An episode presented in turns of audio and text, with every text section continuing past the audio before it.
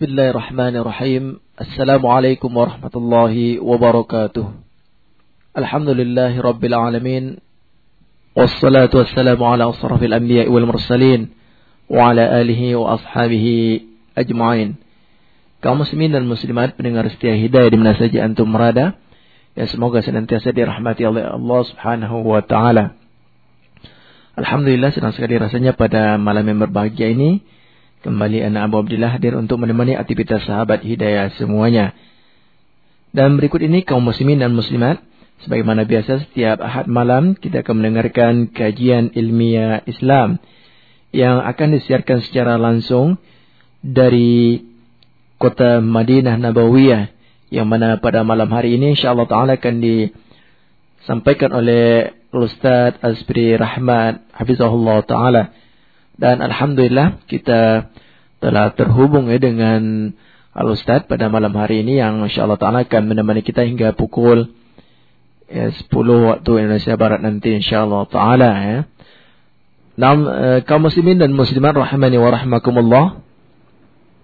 Ya sebagaimana biasa nanti setelah penyampaian materi oleh Al Ustadz kami memberikan kesempatan buat kaum muslimin dan muslimat untuk berinteraktif pada malam hari ini ya berinteraktif atau bertanya langsung kepada Ustaz, silakan di 07 0812 684 20 ribu. 0812 684 20 ribu dan di 0761 765 2255. Baik kaum muslimin dan muslimah rahmani wa rahmakumullah untuk memanfaatkan waktu. Marilah sama-sama kita mendengarkan kajian yang akan disampaikan oleh Al-Ustaz. Tafadhal Ustaz. Bismillahirrahmanirrahim. الحمد لله رب العالمين والصلاة والسلام على أشرف الأنبياء والمرسلين نبينا محمد وعلى آله وأصحابه ومن سلك سبيله واتبع سنته إلى يوم الدين. أما بعد para pendengar radio Hidayah yang dirahmati Allah. Assalamualaikum warahmatullahi wabarakatuh. Waalaikumsalam warahmatullahi wabarakatuh. Kembali kita bersyukur kepada Allah Subhanahu wa taala atas nikmat hidayah dan taufik dari Allah Subhanahu wa taala maka pada kesempatan yang berbahagia ini kita kembali dipertemukan di media Radio Hidayah. Ini yang kita cintai ini untuk selalu memberikan nasihat sama kita menyampaikan ilmu. Semoga Allah Subhanahu wa taala memberi kita pahala dan menurunkan rahmat kepada kita. Salam dan salam marilah pula kita perbanyak atau membasah membasahi lidah kita dengan salawat tersebut kepada Rasulullah sallallahu alaihi wasallam sebagai khatamul anbiya penutup para, para rasul wa imamil muttaqin dan penghulu orang-orang yang bertakwa pemimpin orang-orang yang bertakwa Semoga dengan salawat kita kepada beliau kita mendapatkan apa yang dijanjikan oleh Rasulullah sallallahu alaihi wasallam dalam sebuah hadis yang sahih. Man shalla alayya marratan sallallahu alaihi biha ashra. Barang siapa yang mengucapkan satu kali salawat kepadaku kata Rasulullah sallallahu alaihi wasallam maka Allah Subhanahu wa taala akan membalasnya dengan sepuluh kali selawat. Terutama sekali pada hari Jumat. Sebagaimana yang dijelaskan oleh Rasulullah SAW. Alaihi Wasallam. Ini antara amal-amal lisan, amal-amal lidah yang disyariatkan oleh agama kita, agama Islam. Karena lidah selalu beramal. Mudah untuk mengungkapkan berbagai macam perkataan. Tidak bisa dikontrol. Makanya agama Islam memberikan solusi kepada kita agar supaya lisan kita selalu berada di bawah ridha Allah Subhanahu wa taala. Sebab setiap ungkapan, setiap ucapan yang kita lontarkan akan tertulis di dalam kitab amal kita masing-masing. Sebagaimana yang dijelaskan oleh Allah Subhanahu wa taala di dalam surat Qaf ما يلفظ من قول إلا لديه رقيب عتيد tidak satu ungkapan pun yang terlontar oleh oleh lidah mereka kecuali akan didapatkan terhadap perkataan tersebut raqibun atid dua malaikat yang akan mencatat mungkin dari ucapan kita dicatat oleh malaikat rakib. Mungkin juga dari ungkapan-ungkapan lidah kita ditulis oleh malaikat atid. Di antara amal-amal lisan juga yang disyariatkan oleh Rasulullah SAW. Apa yang di disabdakan oleh Rasulullah sallallahu alaihi wasallam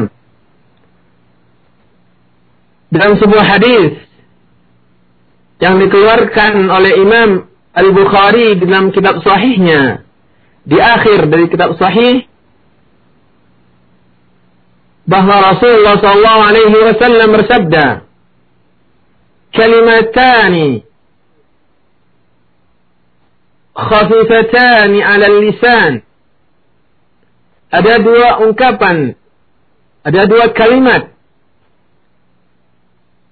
yang ringan diucapkan oleh lidah. Saqilatani fil mizan. Akan tetapi berat di timbangan. Di timbangan amalan di akhir di, uh, di hari akhirat habibatani ila rahman dan sangat-sangat dicintai oleh Allah Subhanahu wa taala. Apa itu dua kalimat? Rasulullah SAW menyatakan Subhanallah wa bihamdi Subhanallahil azim. Subhanallah wa bihamdihi. Subhanallahil azim. Jadi para pendengar radio hidayah yang dirahmati Allah, mari kita basahi lidah kita dengan zikir kepada Allah Subhanahu wa taala. Hendaknya setiap kita berbicara kita mesti memikirkan mesti memeriksa apakah pembicaraan kita itu diridhai oleh Allah Subhanahu wa taala atau tidak? Man kana yu'minu billahi wal yawmil akhir falyaqul khairan aw liyasmut. Kata Rasulullah sallallahu alaihi wasallam dalam sebuah hadis. Dari tanda-tanda orang-orang yang benar-benar beriman dari tanda-tanda orang-orang yang benar-benar mengamalkan tuntutan-tuntutan keimanan. adalah menjaga lidah. Falyakul khairan maka hendaklah dia mengatakan perkataan yang baik. Kalau tidak bisa atau tidak bisa menemukan perkataan yang baik, maka seharusnya dia diam. Jadi ini di antara amal-amal lisan, di antara petunjuk Rasulullah SAW kepada kita, bagaimana kita mempergunakan salah satu organ dan organ tubuh kita. Salah satu dari anggota tubuh kita yaitu lidah. Bagaimana kita mempergunakannya? Maka di antara amal-amal lisan yang mesti kita berbanyak adalah mengucapkan salawat Rasulullah Sallallahu Alaihi Wasallam. Saudaraku para pendengar radio Hidayah yang dirahmati Allah, ini pertemuan kita yang ketiga. Kita tetap insya Allah Subhanahu wa taala akan membahas tentang masalah harta. Jadi tema kita pada malam hari ini masih seputar si harta dalam kehidupan seorang muslim bagian ketiga. Insya Allah Subhanahu wa taala berapa waktu akan ke depan kita akan bahas tentang masalah harta yang didapatkan oleh seorang muslim. Baik itu harta yang haram ataupun harta yang halal. Apa, apa manfaat dari harta tersebut? Manfaat dari harta yang halal dan juga mudarat, petaka dari harta yang haram.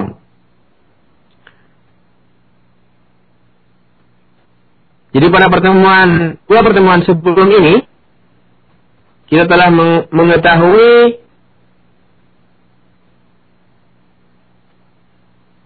secara global hakikat dari harta dan juga kita jelaskan pada pertemuan sebelum ini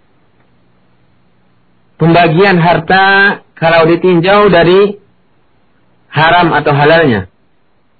Kita bagi empat. Ada harta yang zatnya adalah haram. Jenisnya haram. Telah kita contohkan. Seperti babi dan lain sebagainya. Juga pembagiannya ada harta yang halal. Zat dan jenisnya itu banyak sekali juga kita telah, telah contohkan pertemuan sebelum ini. Dan yang dua selanjutnya ada proses mendapatkan harta. Dalam mendapatkan harta ada dua. Ada proses mendapatkan harta. Atau proses mencari harta dengan cara yang halal. Dan juga proses mencari harta sebaliknya. Proses mencari harta dengan cara yang haram yang dimurkai oleh Allah Subhanahu wa taala.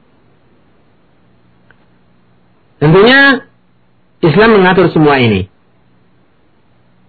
Kita sebagai seorang muslim telah diatur bagaimana kita mendapatkan harta itu dengan cara yang halal juga telah diatur oleh Islam apa saja kaidah-kaidahnya harta itu kalau kita jalani atau kita lakukan proses mendapatkannya itu dengan cara yang haram, maka harta itu menjadi harta yang haram pendapatannya. Jadi empat. Bisa kita tinjau dua hal yang penting dalam masalah ini. Harta yang haram zatnya, jenisnya. Kalau seandainya harta yang haram zatnya ini ada pada kita seperti babi, khamar, minuman keras, anjing, dan lain sebagainya yang diharamkan dalam Islam, kita miliki sekarang ini bagaimana kita melepaskan diri. Kalau seandainya harta tersebut, harta-harta tersebut ada di kita, kita miliki,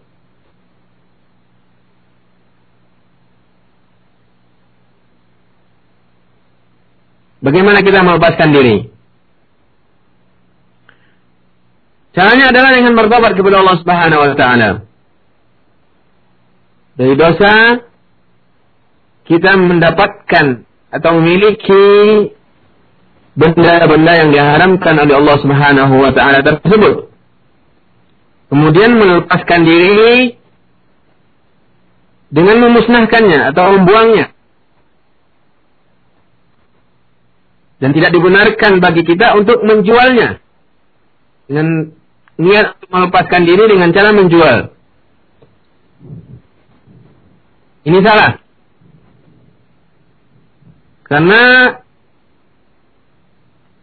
atau uh, walaupun sebelum proses kita memiliki benda tersebut dengan cara yang halal kita dapatkan dengan dengan proses jual beli yang halal kita beli harta tersebut dengan harta yang halal tapi karena zatnya harta itu jenisnya harta itu adalah harta yang haram maka tetap harta itu berstatus harta haram maka kita bertobat kepada Allah Subhanahu wa taala melepaskan diri dari harta itu dengan cara memusnahkannya. Dan tidak boleh proses membebaskan diri itu dengan cara menjualnya. Karena Rasulullah SAW bersabda dalam sebuah hadis, Inna Allah idza harrama syai'an harrama thamana. Inna Allah idza harrama syai'an harrama thamanahu. Sungguhnya Allah Subhanahu wa taala bila telah mengharamkan sesuatu maka pasti Allah akan mengharamkan pula hasil penjualannya. Jadi kita tidak boleh menjual barang-barang tersebut. Kita tidak boleh menjual khamar, minuman keras yang sekarang kita miliki agar melepaskan diri dari benda tersebut. Dan ini yang telah dipraktekkan para sahabat di saat diturunkan oleh Allah Subhanahu wa taala pengharaman terakhir. Tidak ada lagi nego-nego pengharaman khamar maka mereka melepaskan diri dengan cara membuangnya. Ini jelas Udah hadis yang dijelaskan bagaimana kita cara kita melepaskan diri dari harta yang haram zat atau jenisnya. Ini disampaikan oleh para sahabat dalam uh, sebuah hadis tentang pengharaman khamar.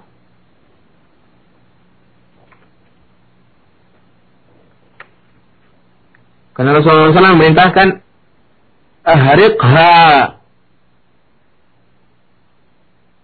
Ini hadis terjadi pada Abu Talha. Seorang sahabat bertanya kepada Rasulullah SAW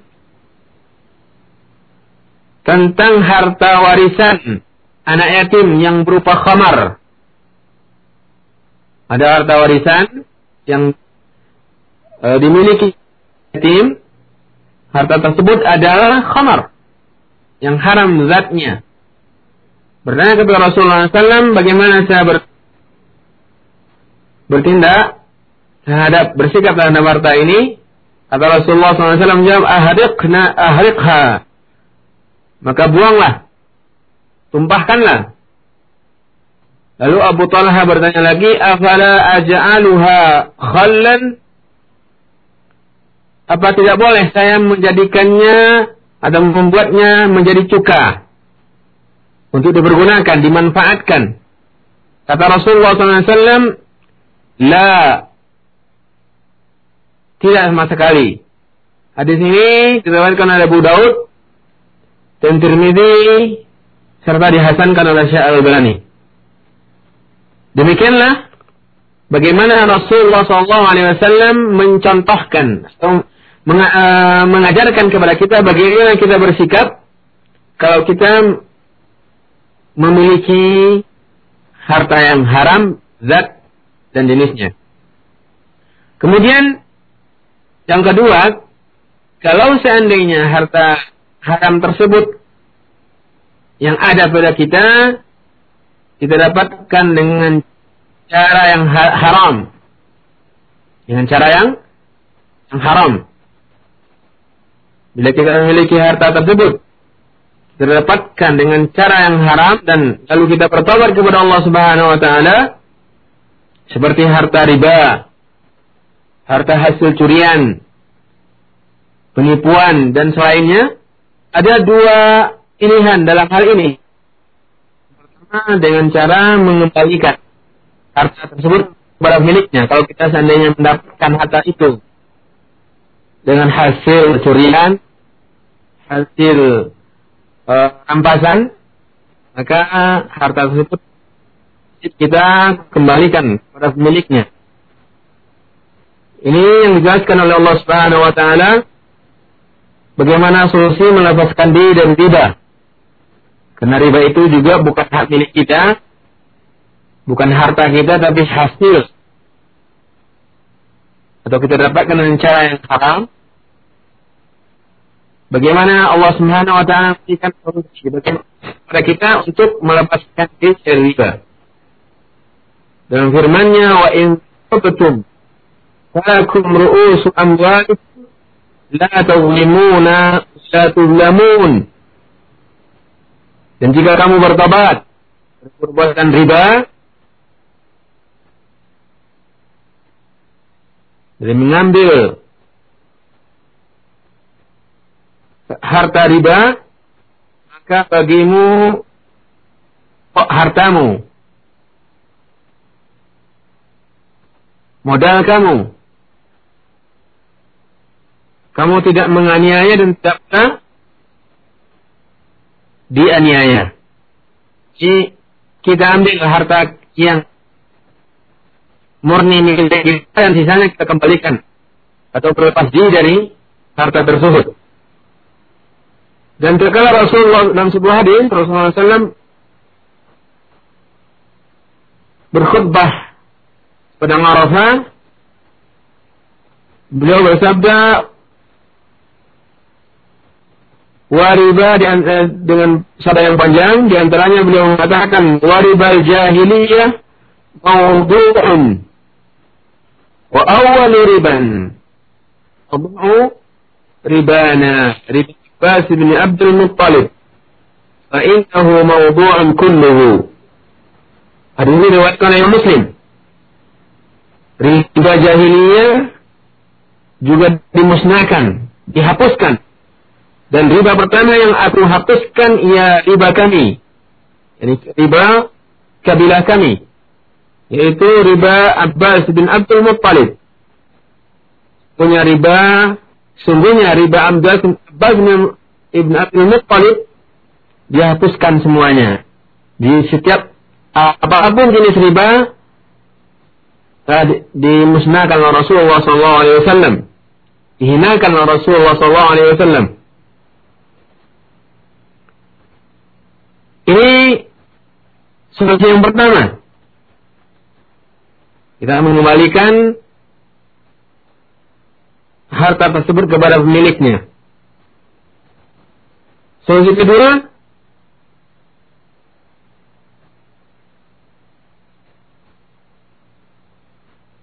masih dalam solusi pertama, dalam sebuah hadis Rasulullah SAW menjelaskan لا يأخذ أحدكم عصا أخيه وفي رواية متاع أخيه لاعبا أو جادا فمن أخذ عصا أخيه فليردها إليه Ini hanya sebatas tongkat. Rasulullah SAW menjelaskan bahwa kita mesti mengembalikan hak milik orang lain kepada pemiliknya. Dan di sini Rasulullah SAW menjelaskan, janganlah salah seorang darimu mengambil tongkat saudaranya.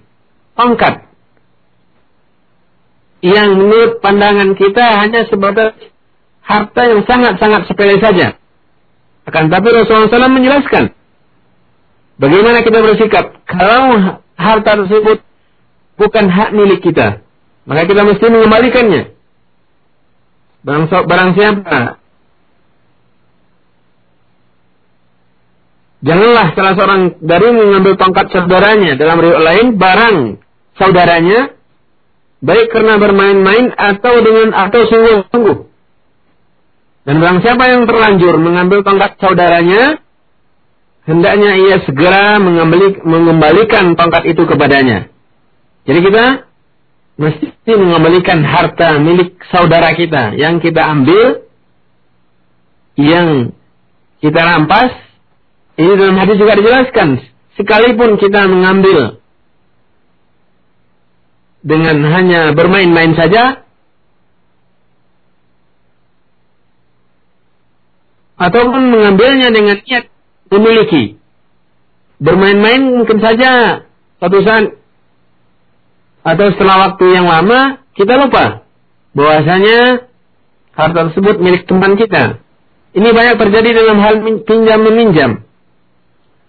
Jadi mesti dalam hal ini kita berlepas diri dari hak milik orang lain yang kita dapatkan dengan cara yang tidak diridhai oleh Allah Subhanahu wa taala. Dan apabila barang tersebut ini juga bermasalah barang milik orang lain yang ada pada kita yang kita dapatkan dengan cara yang tidak disyariatkan oleh agama Islam barang tersebut rusak misalnya atau berubah bentuknya. Kalau sudah misalnya kita pinjam kitab atau pinjam sesuatu dari teman kita, dari saudara kita, masih baik bentuknya, masih bagus, tapi setelah dimakan waktu, kita lupa mengembalikan dan juga sangat disayangkan mungkin kita beranggap itu juga adalah hak milik kita akhirnya benda tersebut jadi jelek jadi rusak. Maka dan kita tidak bisa mendapatkan gantinya tidak yang tersebut tidak ada lagi diperjualbelikan kita mesti menembusnya dengan harga atau dengan harga orang tersebut. Berapa nilainya? Kita tebus dan kita kembalikan kepada pemiliknya. Ini cara yang pertama, solusi yang pertama. Yang kedua, dengan cara minta maaf.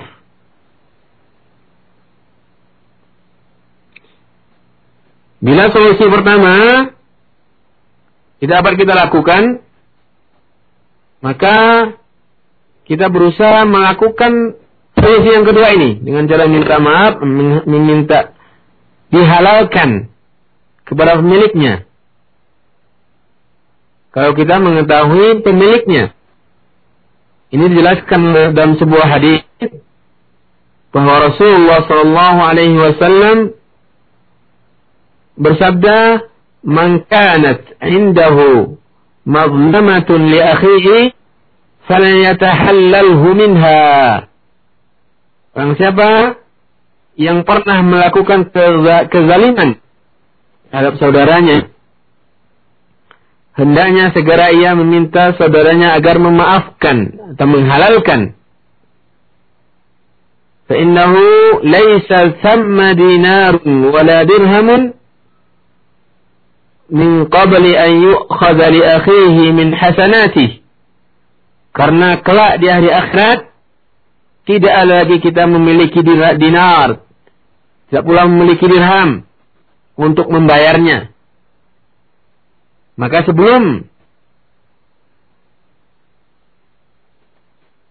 masa itu tiba, sebelum kebaikan-kebaikan kita, amal-amal kebajikan kita dijadikan alat penebus untuk membayar hutang-hutang kita itu, maka kita hendak atau wajib untuk meminta kehalalan. Kalau kita tidak bisa mengembalikan.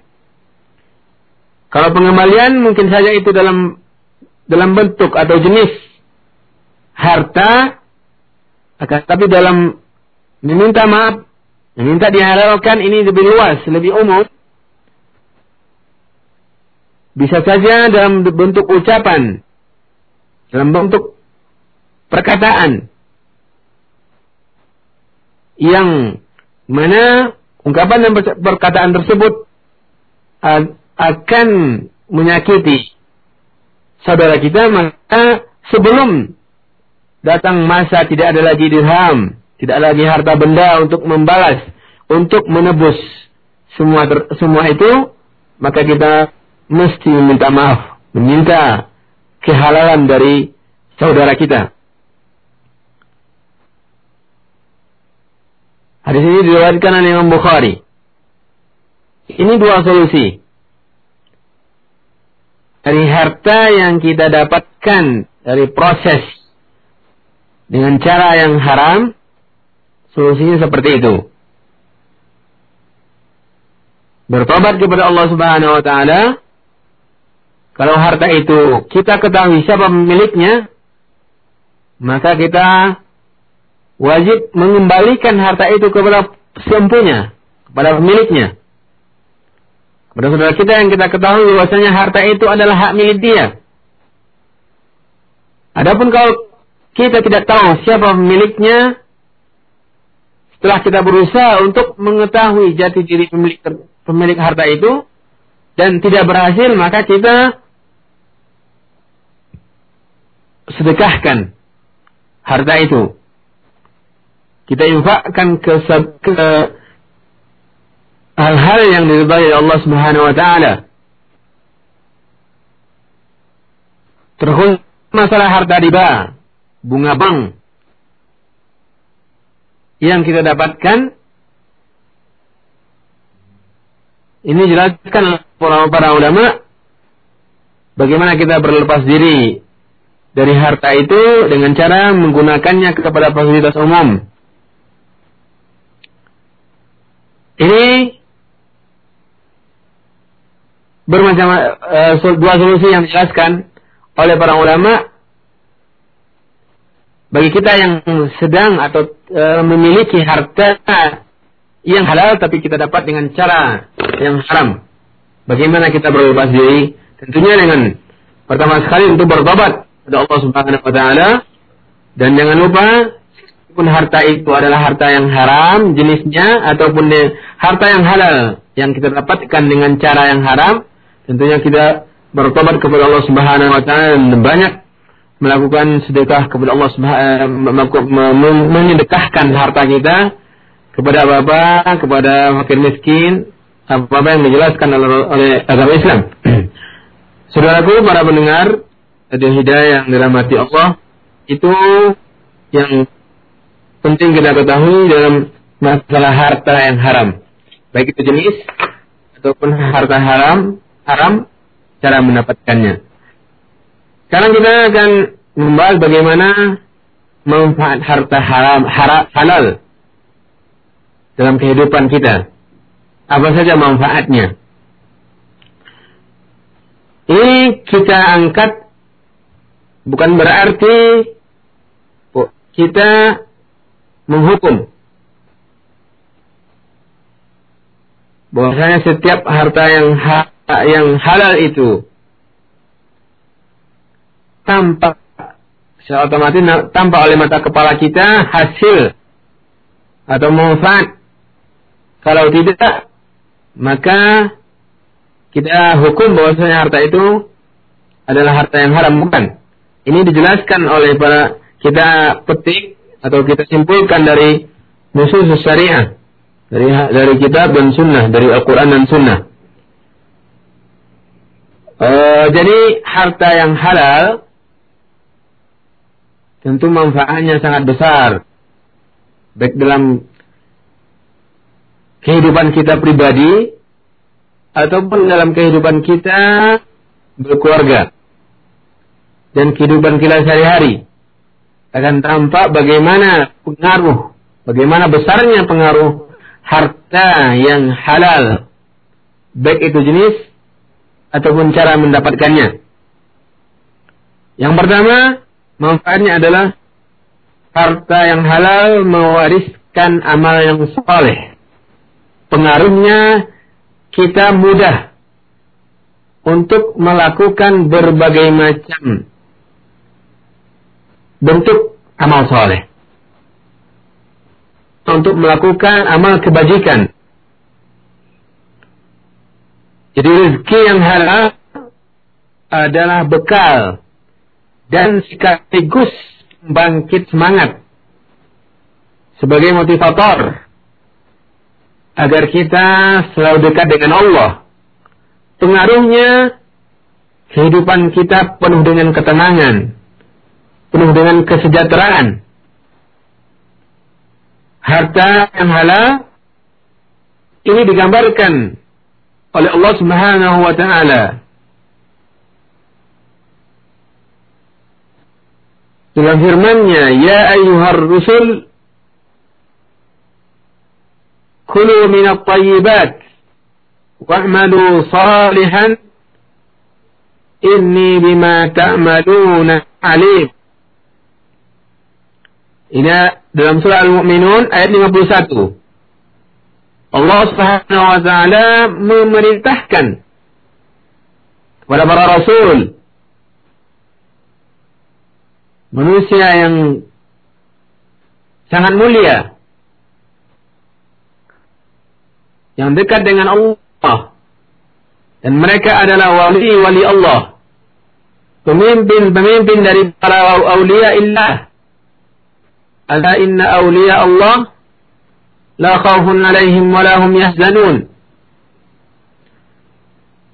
para nabi diperintahkan oleh Allah Subhanahu wa taala untuk memakan makanan yang baik, makanan-makanan yang halal dan juga makanan tersebut sangat berpengaruh kepada amal-amal solehnya. Makanya Allah Subhanahu wa taala mengikutkan perintahnya dengan kerjakanlah amal yang soleh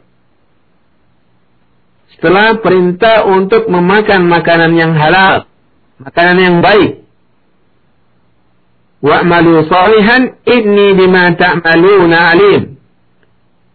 Ini merupakan ancaman bagi siapa yang lalai dari perintah Allah Subhanahu wa taala untuk memakan makanan yang halal dan juga untuk melakukan buah dari makanan dari memakan makanan yang halal itu adalah amal saleh.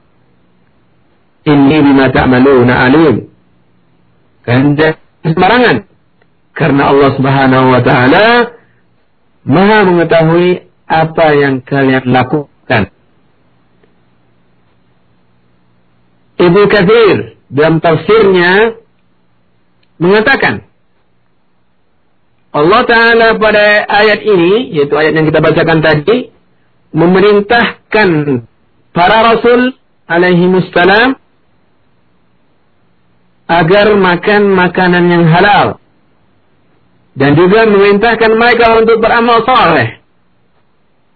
Kata beliau, disandingkannya dua perintah ini mengisyaratkan bahwa makanan halal adalah pembangkit sebagai motivasi untuk melakukan amal soleh, kata beliau. Dan sungguh mereka, yakni para rasul, benar-benar telah menaati kedua perintah itu. Jadi para rasul, para nabi, telah melakukan, merealisasikan perintah Allah Subhanahu wa taala dalam kehidupan mereka. Jadi, saudaraku pendengar radio Hidayah yang dirahmati Allah, mungkin dalam kehidupan kita kita sering merasa malas, merasa jenuh untuk beramal atau berat untuk melakukan berbagai macam ketaatan.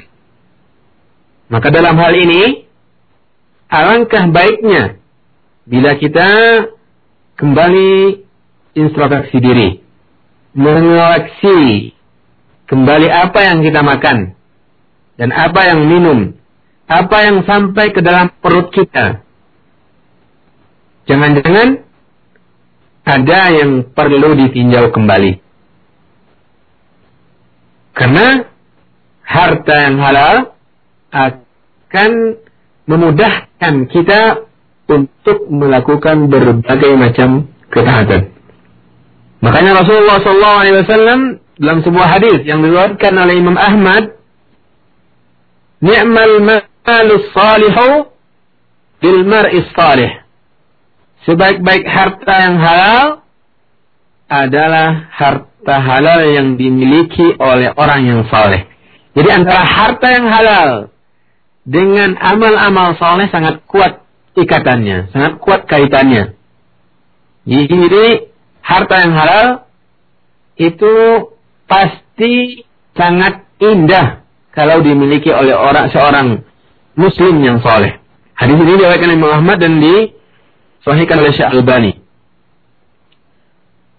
Kemudian dalam sebuah hadis yang panjang yang diriwayatkan oleh Abu Sa'id Al-Khudri radhiyallahu anhu beliau mengatakan qama Rasulullah sallallahu alaihi wasallam فخطب الناس فقال إن أكثر ما أخاف عليكم ما يخرج الله لكم من بركات الأرض Kata Rasulullah SAW, sesungguhnya yang sangat saya takuti terhadap kalian adalah apa-apa yang dikeluarkan oleh Allah Subhanahu wa taala dari keberkahan-keberkahan bumi dari hasil bumi. Qila wa ma barakatul? Para sahabat bertanya, apa keberkahan-keberkahan bumi itu ya Rasulullah? Qala zahratud dunya. Beliau menjawab, ia adalah perhiasan dunia. Perhiasan kehidupan dunia. Adalah bunga-bunga dunia.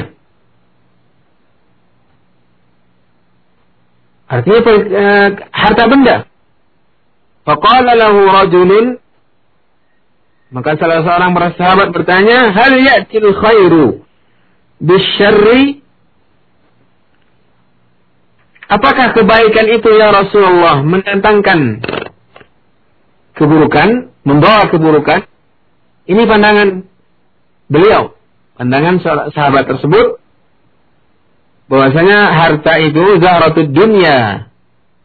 Perhiasan dunia itu ada suatu kebaikan. Jadi dia bertanya, apakah kebaikan itu membawa keburukan ya Rasulullah? Fatamatan Nabi sallallahu alaihi wasallam, Nabi terdiam sejenak. Hatta zananna annahu yunzalu alaihi. Berdiam lama bukan sejenak. Nabi berdiam lama dan kami mengira Sampai kami mengira bahwasanya dia diturunkan oleh Allah Subhanahu wa taala wahyu. Umma ja'ala yamsahu an jabirihi. Rasulullah SAW menghapus keringat yang ada di keningnya. Begitu Rasulullah SAW menganggap perkataan tersebut atau permasalahan ini sangat penting. Faqala aina sa'il? Lalu dia bertanya, mana yang menanyakan tadi? Qala ana. Lalu si penanya tadi mengatakan saya Rasulullah. Qala la ya'til khairu illa bil khair. Sungguhnya kebaikan itu pada hakikatnya tidak akan membawa pada keburukan. Justru sebaliknya. Setiap kebaikan pasti menghasilkan kebaikan pula.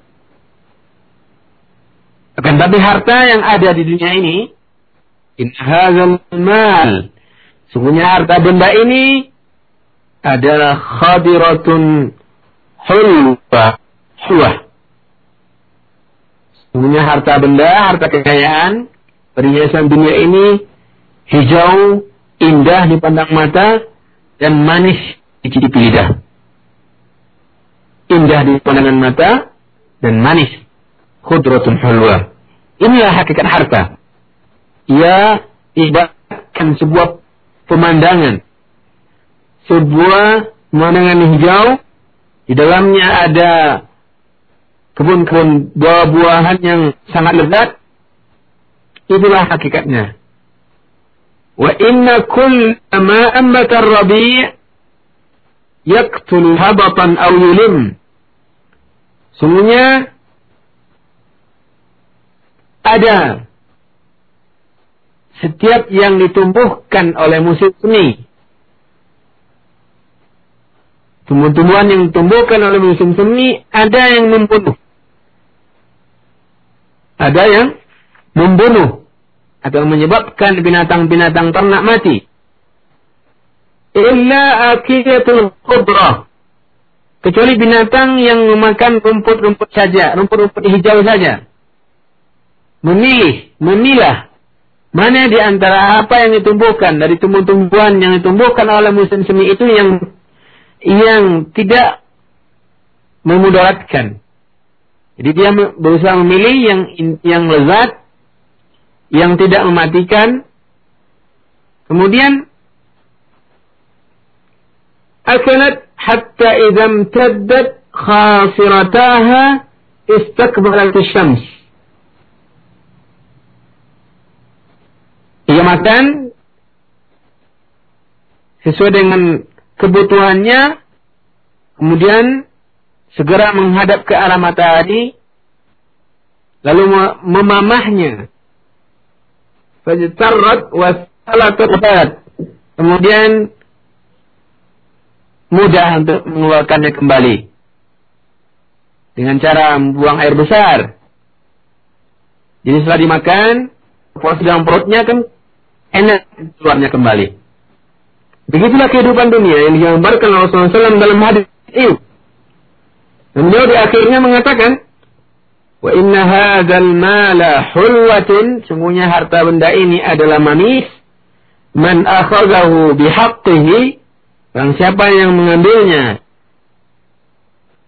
dengan sesuai dengan apa yang di diubah oleh Allah Subhanahu wa taala wa wada'ahu fi haqqihi dan menggunakannya sesuai dengan apa yang dari oleh Allah Subhanahu wa taala fa ni'mal ma'unatuhu dan ia adalah harta yang sangat manfaat.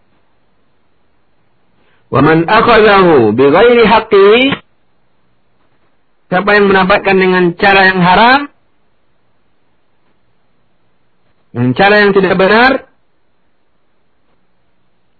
maka ia kan alladhi ya'kul wa la yashba. Ia bagaikan binatang yang makan rumputan akan tapi ia tidak pernah merasa kenyang. Begitulah gambaran kehidupan dunia. Semakin dikumpulkan, semakin kita mengumpulkan harta, semakin gila kita dengan harta, kita semakin tamak untuk mengumpulkannya. Banyak kita dapatkan contoh dalam kehidupan nyata. Apalagi akhir-akhir sekarang ini. Kita lihat di, di media massa. Bagaimana orang dengan buasnya mengumpulkan harta dengan cara yang sangat keji.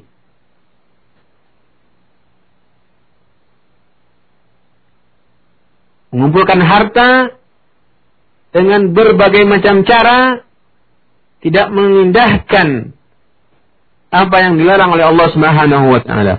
Maka dalam hal ini harta yang halal mewariskan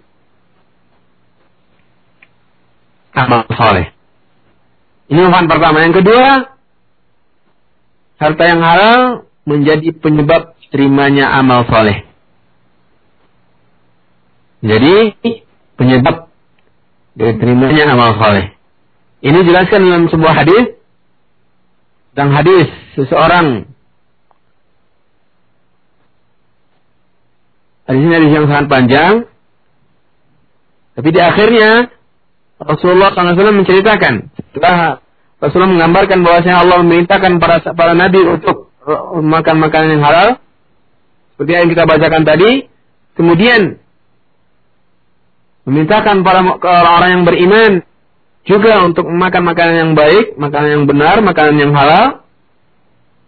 ثم ذكر الرجل يطيل السفر أشعث أغبر يمد يديه إلى السماء يا ربي يا ربي مطعمه حرام ومشربه حرام وملبسه حرام وغذي بالحرام فأنا يستجاب لذلك Ini sekaligus adalah petaka dari makan makanan yang haram.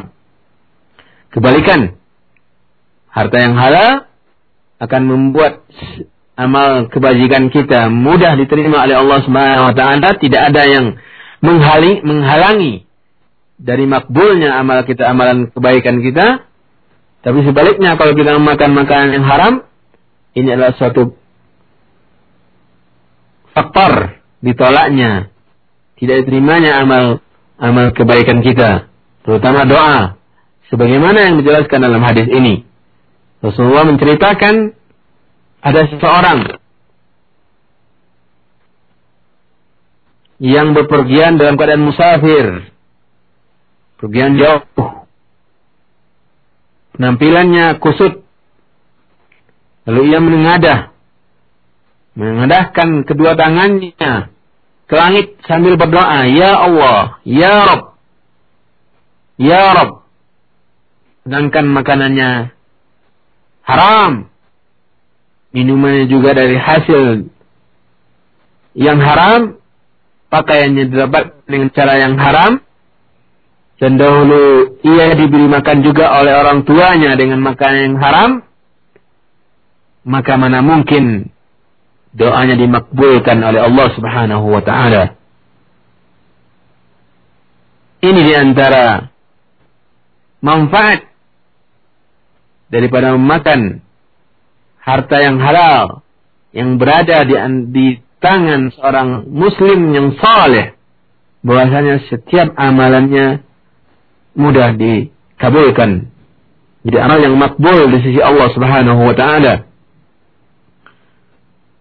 Ini di antara manfaat yang nyata dalam kehidupan kita dari harta yang halal. Dan kebalikannya. Dari manfaat tersebut tentunya adalah petaka mudarat dari harta haram yang kita makan banyak sekali dan telah dijelaskan tadi di antaranya ada tertolaknya amal kebaikan kita terutama doa yang kita panjatkan kepada Allah Subhanahu wa taala. Kita telah melakukan berbagai macam cara. Akan tapi ternyata makanan kita adalah makanan yang haram seperti dalam hadis tersebut maka mustahil Allah Subhanahu wa taala akan mengabulkan doa kita. Jadi mari kita mari kita perhatikan dalam kehidupan kita. Kita sudah banyak berdoa kepada Allah Subhanahu wa taala tapi kita tidak memperhatikan apa yang masuk ke dalam perut kita. Yang kedua, dari petaka harta haram adalah kemurkaan Allah. Karena kita melanggar perintahnya. Allah Subhanahu wa taala dalam hadis tadi mengatakan yang dimukul dari ayat ya ayyuhalladzina amanu kulu minat thayyibat jadi perintahkan untuk memakan makanan yang baik yaitu makanan yang haram eh, yang halal baik itu jenis atau cara mendapatkannya. Ini petaka yang kedua. Adapun petaka yang ketiga harta haram adalah sumber faktor terjadinya bencana di muka bumi ini. Adalah faktor, di antara faktor terjadinya bencana di muka bumi ini. Ini dijelaskan oleh Rasulullah SAW dalam sebuah hadis yang bunyinya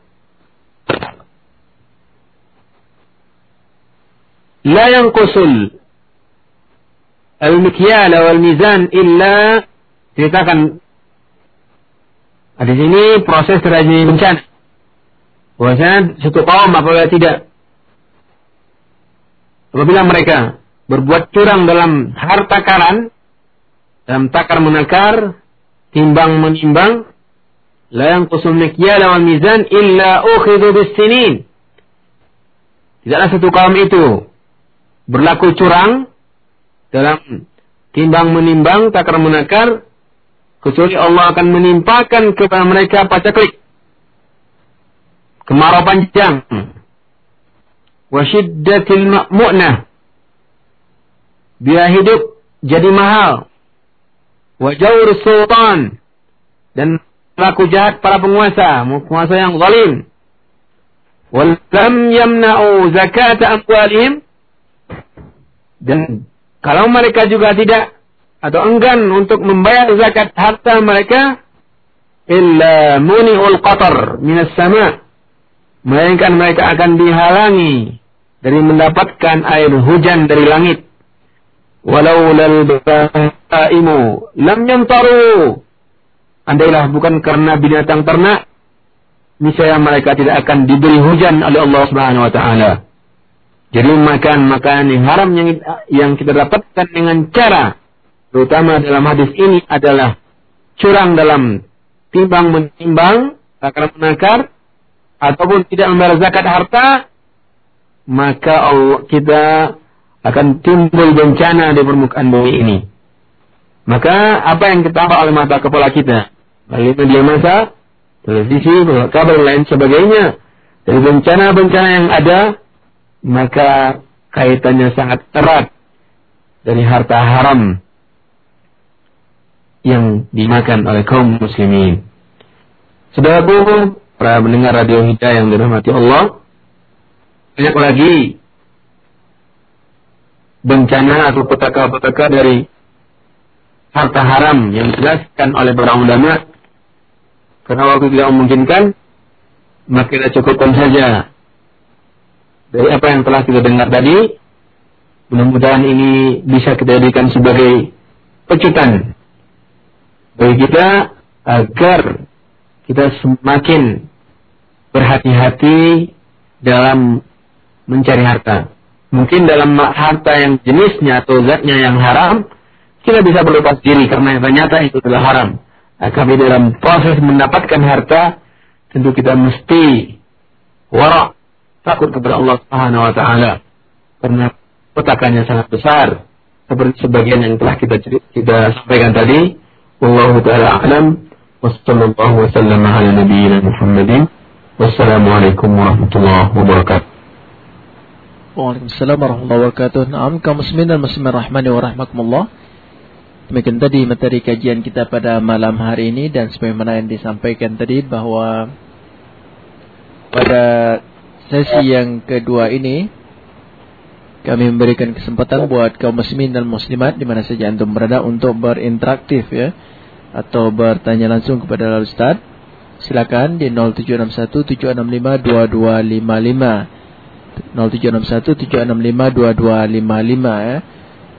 Ya kalau ya kita harapkan bahwa pertanyaannya adalah seputar uh, apa yang kita bahas pada malam hari ini kalau memungkinkan. Baik, kita terima telepon pertama pada malam hari ini. Assalamualaikum. Waalaikumsalam warahmatullahi Dengan siapa Pak di mana? Uh, Abu Rehana di Rengka. Ya, tafadhal Pak. Uh, Assalamualaikum Ustaz. Waalaikumsalam warahmatullahi wabarakatuh. Abu Rehana. Iya. Uh, jadi gini Ustaz. Kita kan usaha kecil-kecilan Ustaz. Eh, kadang usaha kecil-kecil itu perlu modal saya. Eh, kalau kita di sekarang ini modal itu paling kalau pergi ke bank udah jelas ribanya gitu. Kita cari alternatif lain, cari pinjaman ke kaum muslimin yang mempunyai kelebihan harta gitu Ustaz. Tapi masalahnya gini Ustaz. Kenapa agak susah mengetuk hati muslimin yang mempunyai kelebihan harta itu untuk memberi pinjaman kepada kita gitu. Terus satu lagi Ustaz, eh, barangkali solusinya dari Ustaz sudah saatnya kita punya sebuah lembaga semacam lembaga keuangan gitu Ustaz. Yang betul-betul syar'i lah gitu Ustaz. Begitu aja Ustaz. Assalamualaikum. Waalaikumsalam warahmatullahi wabarakatuh. Nah Ustaz bisa ditangkap pertanyaannya Ustaz? Ya. Uh, pertama sekali saya berterima kasih kepada Bapak Abu Hana dari Alengka. Uh, saya berdoa semoga Allah Subhanahu Wa Taala melapangkan rezeki kita uh, dari rezeki yang halal yang dari oleh Allah Subhanahu Wa Taala dan kita diberi petunjuk bagaimana kita menggunakan harta tersebut sesuai dengan apa yang diridhai oleh Allah Subhanahu Wa Taala. Uh, Bapak Abu Hana Hmm, menanyakan pertanyaan yang pertama hanya satu dari sebagai usulan ya. Uh, yang pertama beliau menceritakan dia berusaha uh, punya usaha kecil-kecilan. Tentunya untuk ada modalnya. Uh, sekarang uh, fenomenanya adalah kalau kita pinjam dari bank tentu ada bunganya dan bank tentunya dan bank konvensional itu tentunya tidak akan terlepas dari unsur riba. Uh, solusi yang kedua kita minjam dari kaum muslimin uh, dengan cara minjam kaum muslimin. Cuma solusi yang kedua ini tentunya sangat sulit untuk kita dapatkan karena kecilnya keingin apa uh, kemauan atau kerendahan hati kaum muslimin untuk membantu saudaranya. Dan ini juga faktor kecintaan kaum muslimin kepada harta sangat besar. Dan merasa bahwasanya dengan cara seperti itu, ini faktor pertama ya, dengan cara seperti itu, harta yang ia keluarkan atau ia e, berikan kepada saudaranya sebagai pinjaman itu akan mengurangi hartanya. Dan unsur kecintaan kepada harta itu sangat besar, dan ini yang yang banyak dan banyak terjadi pada zaman kita sekarang ini. Bagaimana besar kecintaan kita kepada harta, sangatkan untuk memberikan pinjaman kepada saudara kita seagama, semuslim, untuk ada di antara kaum muslimin itu memberikan kepada anaknya saja, itu sangat bakhil. Jadi ini juga faktor pertama. Yang kedua mungkin ada di antara saudara-saudara kita yang berlebih hartanya dan dia memang sudah selalu melakukan hal-hal seperti ini ya, cara-cara positif untuk meringankan beban saudara saudara tapi yang terjadi justru sebaliknya. Ada di antara orang yang meminjam itu kadang-kala lupa. Lupa bahwasanya mungkin dia sudah berhasil ternyata hutang yang dia pinjam modal yang dia pinjam kepada saudaranya itu tidak kembali lagi. Dan ini banyak terjadi terjadi. Jadi kita tidak ingin terjadi hal seperti ini. Karena faktor kecintaan kepada harta kita lengah dari kewajiban kita sebagai penghutang ataupun orang yang berhutang. Jadi uh, tentunya dalam hal ini tentu dari materi yang kita angkat kurang lebih tiga pertemuan ini ini juga cukup mengetuk hati kita bagaimana kita berusaha dengan harta tersebut menjadikan orang lain memudahkan urusan orang lain. Dan ingat bahwasanya itu merupakan uh, memberikan atau melapangkan urusan atau kesempitan data saudara kita ini janjikan oleh Allah uh, Rasulullah SAW dalam hadis Man farraja mu'minin kurbatan min kurabi dunya farrajallahu anhu kurbatan min kurabi yaumil qiyamah. Jadi barang siapa yang melampangkan kesempitan satu kesempitan dari kesempitan saudaranya di dunia, maka Allah Subhanahu akan berikan pahala yang timpal pula di akhirat kelak. Jadi ini juga akan mengetuk uh, pintu hati hartawan-hartawan muslim ini agar melepaskan e, melepaskan beban saudaranya dari berbuat dosa dengan meminjam dengan e, terjerumus kepada jurang riba dengan cara seperti dia telah menyelamatkan saudaranya dari dua kesempitan. Ini saja. Kemudian yang kedua usulan dari Pak Abu e, untuk itu adanya lembaga keuangan di kaum muslimin. Dan ini tentunya sangat baik sekali tapi sebenarnya uh, lembaga itu secara uh, swasta mungkin sudah ada uh, badan amil zakat itu tentunya uh, ada di antara uh, para ulama yang membolehkan untuk alokasikan hal itu. Dan itu kalau seandainya kita termasuk dari uh, yang kurang, jadi bisa saja dialokasikan harta zakat itu dalam hal ini.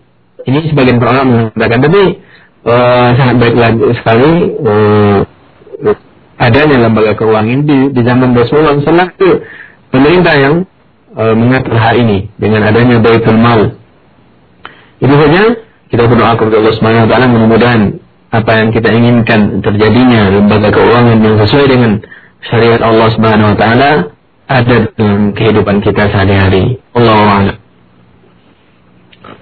Baik, uh, demikian tadi jawaban Ustaz uh, atas pertanyaan Bapak Abu Rehanah ya. Mudah-mudahan sesuai dengan apa yang diharapkan dari yang uh, jawaban yang diberikan oleh Ustaz tadi. Baik, Ustaz kita beralih ke pertanyaan melalui SMS ini yang dikirimkan oleh uh, sahabat hidayah kita, kaum muslimin. Assalamualaikum Ustaz. Waalaikumsalam warahmatullahi wabarakatuh. Nah, dahulu saya ada akad tukar menukar mobil, ya, mobil butut dengan sepeda motor. Di mana sepeda motor saya serahkan ke yang punya mobil dan sebaliknya ya yang punya mobil menyerahkan mobilnya kepada yang punya sepeda motor. Ada permintaan dari yang punya mobil untuk menambah 500 ribu ya, dari sepeda motor yang saya serahkan. Tapi saya kecewa karena mobil yang diserahkan ternyata sering rusak dan uang yang diminta tidak saya serahkan. Bagaimana hukumnya Ustaz? Demikian Ustaz pertanyaannya. Nah ini uh, dari SMS uh, eh, bahwasanya telah terjadi transaksi tukar menukar uh, barang yang tidak sejenis yaitu mobil butut uh, tertambah kiranya uh, butut dengan motor uh, sepeda motor uh, tambah uang 500 ribu. Ini yang diceritakan oleh yang sampaikan oleh penanya uh, ternyata salah satu pihak uh, tidak merasa rela dengan apa yang didapatkannya. Ternyata mobil juga namanya saja mobil butut tentunya uh, ini semestinya sebelum ini terjadi kita mesti berhati-hati ya. Baik itu dalam tukar muka dalam jual beli dan sebagainya kita mesti memeriksa dulu. Dan dalam masalah tukar muka ini juga tentu kita perhatikan bahwasanya sebelum terjadinya transaksi tukar muka tersebut kita seharusnya memeriksa dan si punya mobil tentunya menjelaskan bahwa dosa ini kerusakannya ini, kerusakannya ini dan juga yang punya motor memberikan kelebihan ini, kerusakannya ini. Maka ini menjelaskan oleh Rasulullah SAW bahwasanya eh, eh, idza sadaqa bayyana burika fi baitihima. Maka kita dalam jual jual beli juga dalam hal tukar menukar ini kita mestinya jujur. Jelaskan kekurangannya, kelebihannya, jujur dalam menjelaskan kekurangannya, maka maka Allah Subhanahu wa taala akan memberikan keberkahan dalam transaksi-transaksi tersebut. Ini yang telah terjadi bahwasanya mobil yang didapatkan oleh yang punya motor ternyata mobilnya banyak rusaknya, kemudian juga duit yang diminta yang dalam transaksi itu mesti dibayar oleh si motor itu kepada yang punya mobil ternyata tidak dibayar tentunya tentunya karena sudah terjadi transaksi maka anda yang punya motor tentunya mesti membayar. Membayar kepada yang punya mobil duit eh, 500 sisa itu karena itu yang telah disepakati dalam transaksi. Kemudian eh, buatlah kesepakatan, mintalah kesepakatan baru kepada yang punya mobil bagaimana ini yang rusak. Anda waktu transaksi tidak menjelaskannya, bagaimana? Berilah kesepakatan dan ingat uh, seorang muslim itu samhan idza samhan idza. Seorang muslim itu, orang yang beriman itu yang diberkahi oleh Allah Subhanahu wa taala kehidupannya selalu mudah dalam berjual beli, dalam berjual, menjual barangnya dan juga dalam membeli. Selalu mudah. Jadi kalian uh, antara antum dengan yang punya motor, dengan yang punya mobil, buatlah kesepakatan secara akhawiyah, secara kekeluargaan, secara kesaudaraan ingatkan kepada Allah Subhanahu wa taala bagaimana caranya keluar dari masalah ini. Mungkin Allah Subhanahu wa taala dan berdoa kepada Allah Subhanahu wa taala ya. Uh, semoga Allah mengeluarkan antuma dari problem ini. Wallahu a'lam. Taib demikian tadi jawab Ustaz dari pertanyaan sahabat Hidayah yang dikirimkan melalui SMS. Nah Ustaz kita terima untuk satu ya kita eh, terima untuk satu penelpon lagi Ustaz ya, sebelum kita akhiri kebersamaan kita pada malam hari ini. Nah, Assalamualaikum. Nah, Assalamualaikum. Waalaikumsalam. Dengan siapa Pak di mana? Dengan Pak Abdullah di Tanam. Iya, silakan Pak Abdullah. Assalamualaikum Ustaz. Ya, saya ini Waalaikumsalam warahmatullahi. Hah? Tafadhal Pak. Ya, Wah, saya ini kan di rumah saya kan jalan kecil-kecilan. Jadi saya membeli barang sama agen. Misalnya beli gula, beli tepung dan lain-lainnya. Maaf, kurang. Pak Abdullah, suaranya kurang jelas. Ya. Bisa Ya, ini kan- dari awal ya, bisa. Ya. Saya ini kan di rumah jualan kecil-kecilan. Jadi saya ini membeli barang sama agen. Ternyata timbangannya kurang. Baik gula, tepung, segala macam. Itu ternyata Yang kurang apa? Timbangan- Timbangannya. Ah, timbangan. Misalnya, misalnya berempat, nah, jadi kurang dua baris. Nah, jadi yang saya tanyakan, yang mana hukumnya Ustaz? Yang kedua, saya tanyakan, bagaimana model timbangan di dalam Islam?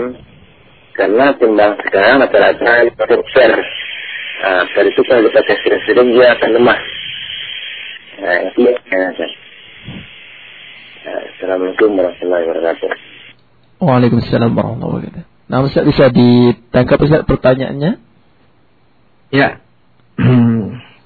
ya tadi terima kasih sudah ucapkan kepada Pak Abdullah dari yang kurang tahu dari mana ya. Ehm, yang menanyakan eh, bahwasanya be- beliau eh, kerja dagang kecil-kecilan katanya. Eh, dia mengambil barang dari agen.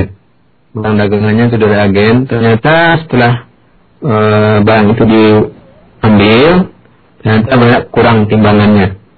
Eh, yang beliau tanyakan apa hukumnya tentunya seperti yang kita jelaskan tadi dalam tukar dalam timbang menimbang tentunya ini lumrah terjadi kecurangan makanya Allah Subhanahu Wa Taala mengancam dalam ayat dalam soal mutaffifin wailul lil mutaffifin celaka bagi orang yang mutaffifin siapa mereka itu alladzina idza iktalu 'ala an-nasi yastawfun itu orang-orang yang apabila ia eh, mendapatkan timbangan dari orang lain, mereka minta bahwasanya barang itu utuh. Timbangannya itu utuh. Wa idza kaluhum aw wazanuhum yukhsirun. Sebaliknya apabila mereka yang menimbang untuk orang lain, mereka mengurangi timbangannya.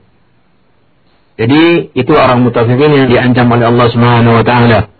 Ada yazum ulaika annahum mab'utsun apakah mereka yang mengurangi yang melakukan tindakan itu tidak mengira bahwasanya mereka akan berdiri di hadapan Allah Subhanahu wa taala ini ancaman bagi orang hadis-hadis yang lain yang tadi eh, apabila eh, proses tindakan curang dalam timbang menimbang yang banyak terjadi dalam proses jual beli itu terjadi maka Allah Subhanahu wa taala akan menimpakan kemarau panjang di antaranya. Jadi hukumnya tentu haram. Kelebihan timbangan yang eh, eh, ia dapatkan oleh penimbang atau kekurangan timbangan nilai kurangnya timbangan yang dapat itu adalah adalah haram ia makan, ia pergunakan dan eh, akibatnya seperti yang kita telah jelaskan dalam pertemuan-pertemuan yang lalu. Jadi hukumnya itu haram bagi agen tersebut. Kemudian pertanyaan kedua, bagaimana model timbang menimbang dalam Islam? Tentunya tidak akan lepas dari kehidupan kita sehari-hari. Kalau timbangan kita dalam bentuk neraca, tentunya sesuai Dan memang unsur penipuan dan timbang memang ini banyak terjadi dan ini terjadi di zaman dahulu. Di zaman uh, para nabi dahulu yang dijelaskan oleh Allah Subhanahu wa taala dalam Al-Qur'an tentunya dalam umat Nabi uh, uh, di kaum Madian. Di Madian mana uh, diutus nabi kepada mereka untuk menyelesaikan masalah kecurangan dalam timbang memberi. Jadi e, tidak ada hal yang baru sebenarnya dalam masyarakat Islam dalam timbang menimbang ini. Tentunya apa yang ada e, dalam bentuk timbang neraca, tentunya e, hitung-hitungan kilo juga ada dan lain sebagainya itu yang kita dapatkan dalam kehidupan kalau kita sehari-hari. Yang penting kita tidak mengurangi hak orang lain dan juga tidak melebihkan.